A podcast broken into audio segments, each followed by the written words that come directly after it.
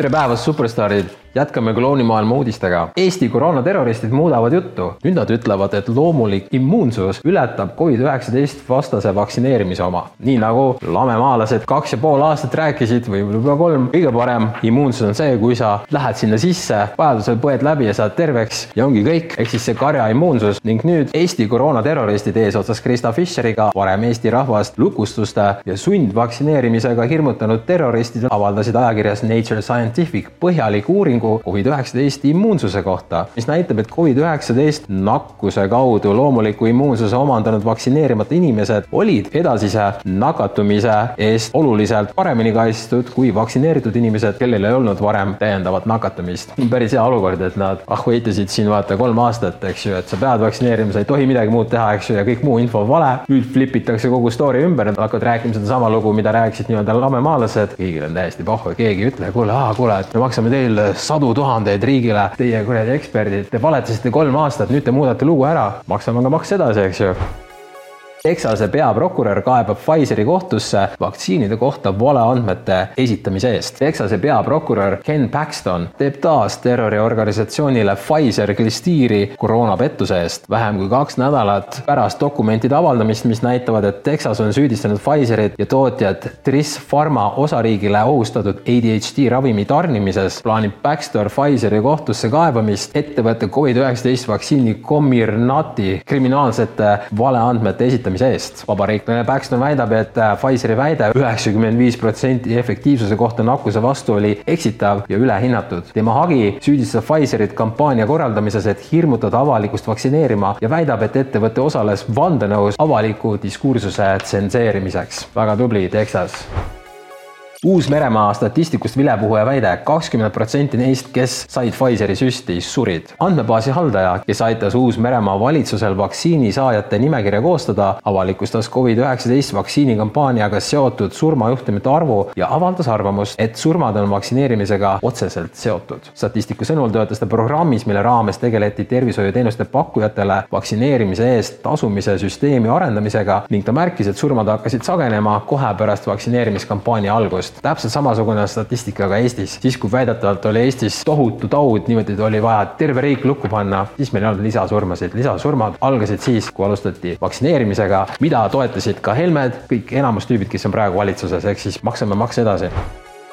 kohtuotsus vaktsineerimata poliitikute töö piiramine oli Läti põhiseadusega vastuolus. Läti konstitutsioonikohus leidis, et reegli muudatus, mis takistas koroonapassita parlamendisaadikutel osaleda parlamendi istungitel, oli põhiseadusega vastuolus. reeglid, mis sätestasid, et parlamendisaadik saab osaleda parlamendi töös vaid siis, kui ta on vaktsineeritud koroonaviiruse vastu, ei ole kooskõlas põhiseaduses oleva paragrahv sada üks esimese osaga, seisab konstitutsioonikohtu otsuses. mis on Lätis, oli veel eriti see, et nad ei lubanud isegi Zoomi vahendusel osaleda mõelda nendel parlamendisaadikutel, kes on vaktsineerimata. umbes nagu, et nähtamatu viirus tuleb läbi selle internetikaabli kuskilt tuleb sinna, eks ju, et pead olema vaktsineeritud isegi kodus, niimoodi mitte kellegagi kokku ei saa. täielik nonsense, aga ka lätlased on sama targad kui eestlased, maksavad makse edasi, kõik kuulavad neid samu uudiseid edasi, kõik vaatavad neid samu ajalehti edasi, austavad neid samu popstaare. Eestis Ivo Linna ülikõva, tal tuli just uus plaat ja raamat välja, ma loodan, vaktsiiniga on kergem uuring, näomähked soodustavad hingamisteede haigustesse jäämist kolmkümmend kolm kuni nelikümmend protsenti. hiljutine Norra teadusartikkel leidis, et inimesed, kes kannavad näomähkmeid, võivad tõenäolisemalt haigestuda hingamisteede haigustesse kui need, kes mähkmeid ei kanna. ajakirjas Epidemiology and Infection avaldatud uuringu käigus analüüsiti maskide kasutamist kolme tuhande kahesaja üheksa Norra elaniku peal. Cambridge'i kirjastuse poolt avaldatud teadusuuringu autorite kogutud andmed näitasid, et mida sagedamini katseisikud näomähkmeid kandsid, seda suurem oli hingamisteede haiguste esinemissagedus ehk täpselt seesama,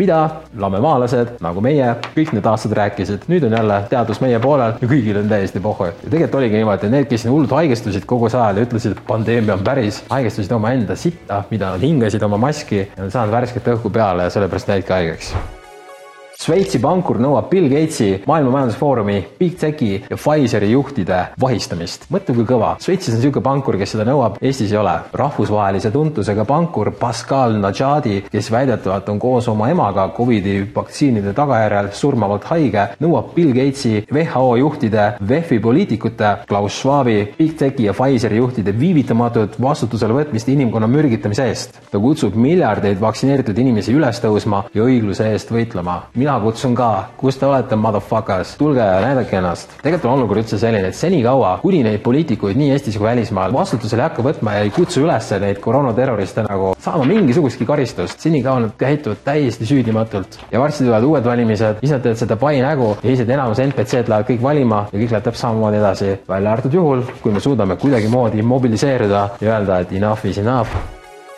repliik, kas neljateist tuhande inimese elu maapiirkonnas ei olegi väärtuslik? oli elektrita üle kümne tuhande majapidamise ja nüüd juba neliteist tuhat. ometi ei ole see riigi silmis eriti intensiivset kaasaelamist tekitav uudis. hoopis rohkem leitakse uudistes aega mainimaks, et üle Eesti on taas kuus tuhat inimest koroonahaigeks jäänud. oi kui kole lugu, tulge kiiresti kõik süstima ja testima, sest muidu oi-oi-oi. aga neliteist tuhat majapidamist on samal ajal reaalselt ohus, sest nad elavad maal ilma elektrita, õues on miinuskraadid juba mitmeid päevi, kuuldavasti mõnes kohas isegi nädal aega, see on ikka väga rets ja kõigil nädal taaskord täitsa savi. ja nüüd on eraldi küsimus üldse see, et kuidas see elektrikatkestus see aasta nüüd nii suur on. ühe tormi järel ka ei saa ju nii kaua kesta, et siit on omamoodi küsimus üldse, et äh, kas neid elektrikatkestusi tehakse meelega, et inimesed tuleksid maalt ära elama linnades oma kuubikutes. miks ei osteta miljonite eest varustust ega eraldata kriisiabiga tegelevatele inimestele lisaraha? sama heldelt kui aasta tagasi süstiuputust finantseeriti. kas neljateist tuhande inimese elu maapiirkonnas ei olegi väärtuslik? Eesti Energia teenis mullu sada kakskümmend kaheksa miljonit kasumit. kus on selle kasumi eest palgatud sajad uued elektrikud? kus on maapiirkonna inimeste abistamise programmid kriisi ajaks? küll loodetakse, et maalt inimesed selliste tingimuste tõttu kolivadki linna ja siis nad saavad tõmmata endale selle äpi. kriis.ee pakub äppi, et kui on nagu kriis, siis tõmba alla äpp, aga see, et inimesed seal külmuvad, täiesti pohhu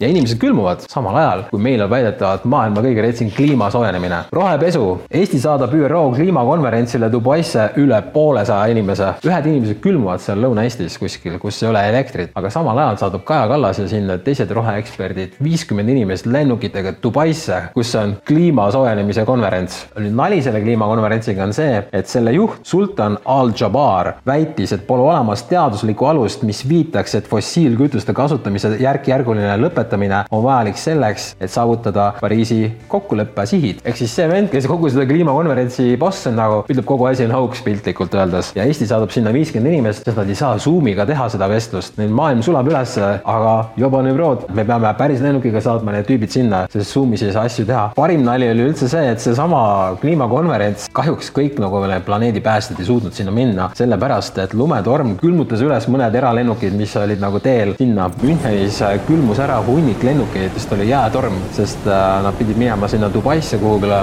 planeeti päästma.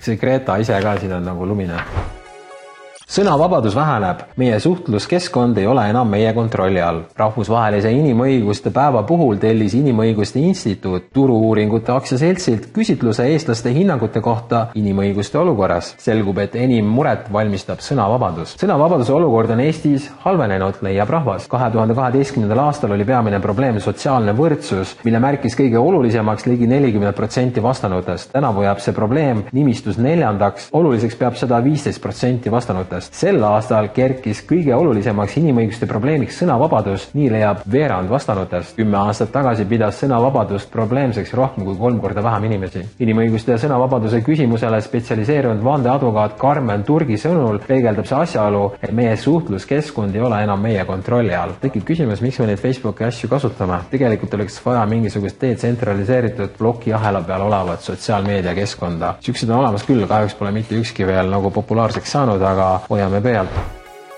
uuring Iisraeli aktsiaturul teeniti Hamasi rünnakust teadlikuna lühimüügiga miljoneid. kaks New Yorgi õigusteadlast väidavad, et tuvastasid enne Hamasi seitsmenda oktoobri rünnakut Gaza aktsiatehingutes järsu ja ebatavalise hüppe. samasugune katteta ehk lühimüük, inglise keeles äh, short selling, toimus ka vahetult enne üheksa üks ühe terrorirünnakuid, mis siis tähendab, et äh, teatud seltskond oli kursis, et mingid rünnakud, sündmused on tulemas ja nad panustasid börsil vastavalt nendele teadmistele nii Hamasi pool kui ka seal Iisraeli poolel me oleme varem ka sellest rääkinud, aga see Hamasi Iisraeli asi pidi olema ja sai olla ainult kokkumäng, sest ei ole võimalik, et nad tulid need mingisugused isehakanud Tarsanid, kes Iisraeli sõjavägi ei olnud kodus samal ajal, kui neid ründasid, eks ju Hiina teadlased tegid fantaasia teoks. Harry Potteri nähtamatuks tegev mantel on nüüd reaalsus. Hiina teadlase jõupingutuste tulemuseks on nüüd ka päriselus võimalik ülle tõmmata Harry Potteri nähtamatuks tegev mantel. Chu Junhao innovatsioon tugineb tipptasemel materjalidele, mis manipuleerivad valgusega, pakkudes käegakatsutavat lahendust optilise nähtamatuse saavutamiseks. üks põnevamaid väljavaateid on nähtamatute ruumide loomise potentsiaal. see tehnoloogia võib muuta turvameetmed, võimaldades